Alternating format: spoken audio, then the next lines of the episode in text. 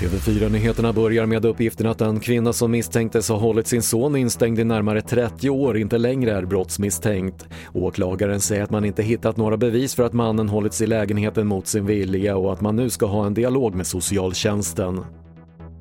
Estonia-överlevarna har kallats till haverikommissionen på intervjuer efter 26 år.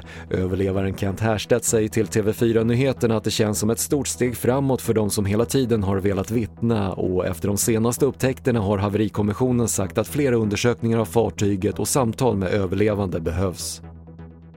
Och SAS redovisar idag en förlust på över 3 miljarder kronor under årets sista kvartal. Det kan jämföras med en vinst på över 1,2 miljarder under samma period förra året och flygbolagets VD Rickard Gustafsson utesluter inte nya besparingar.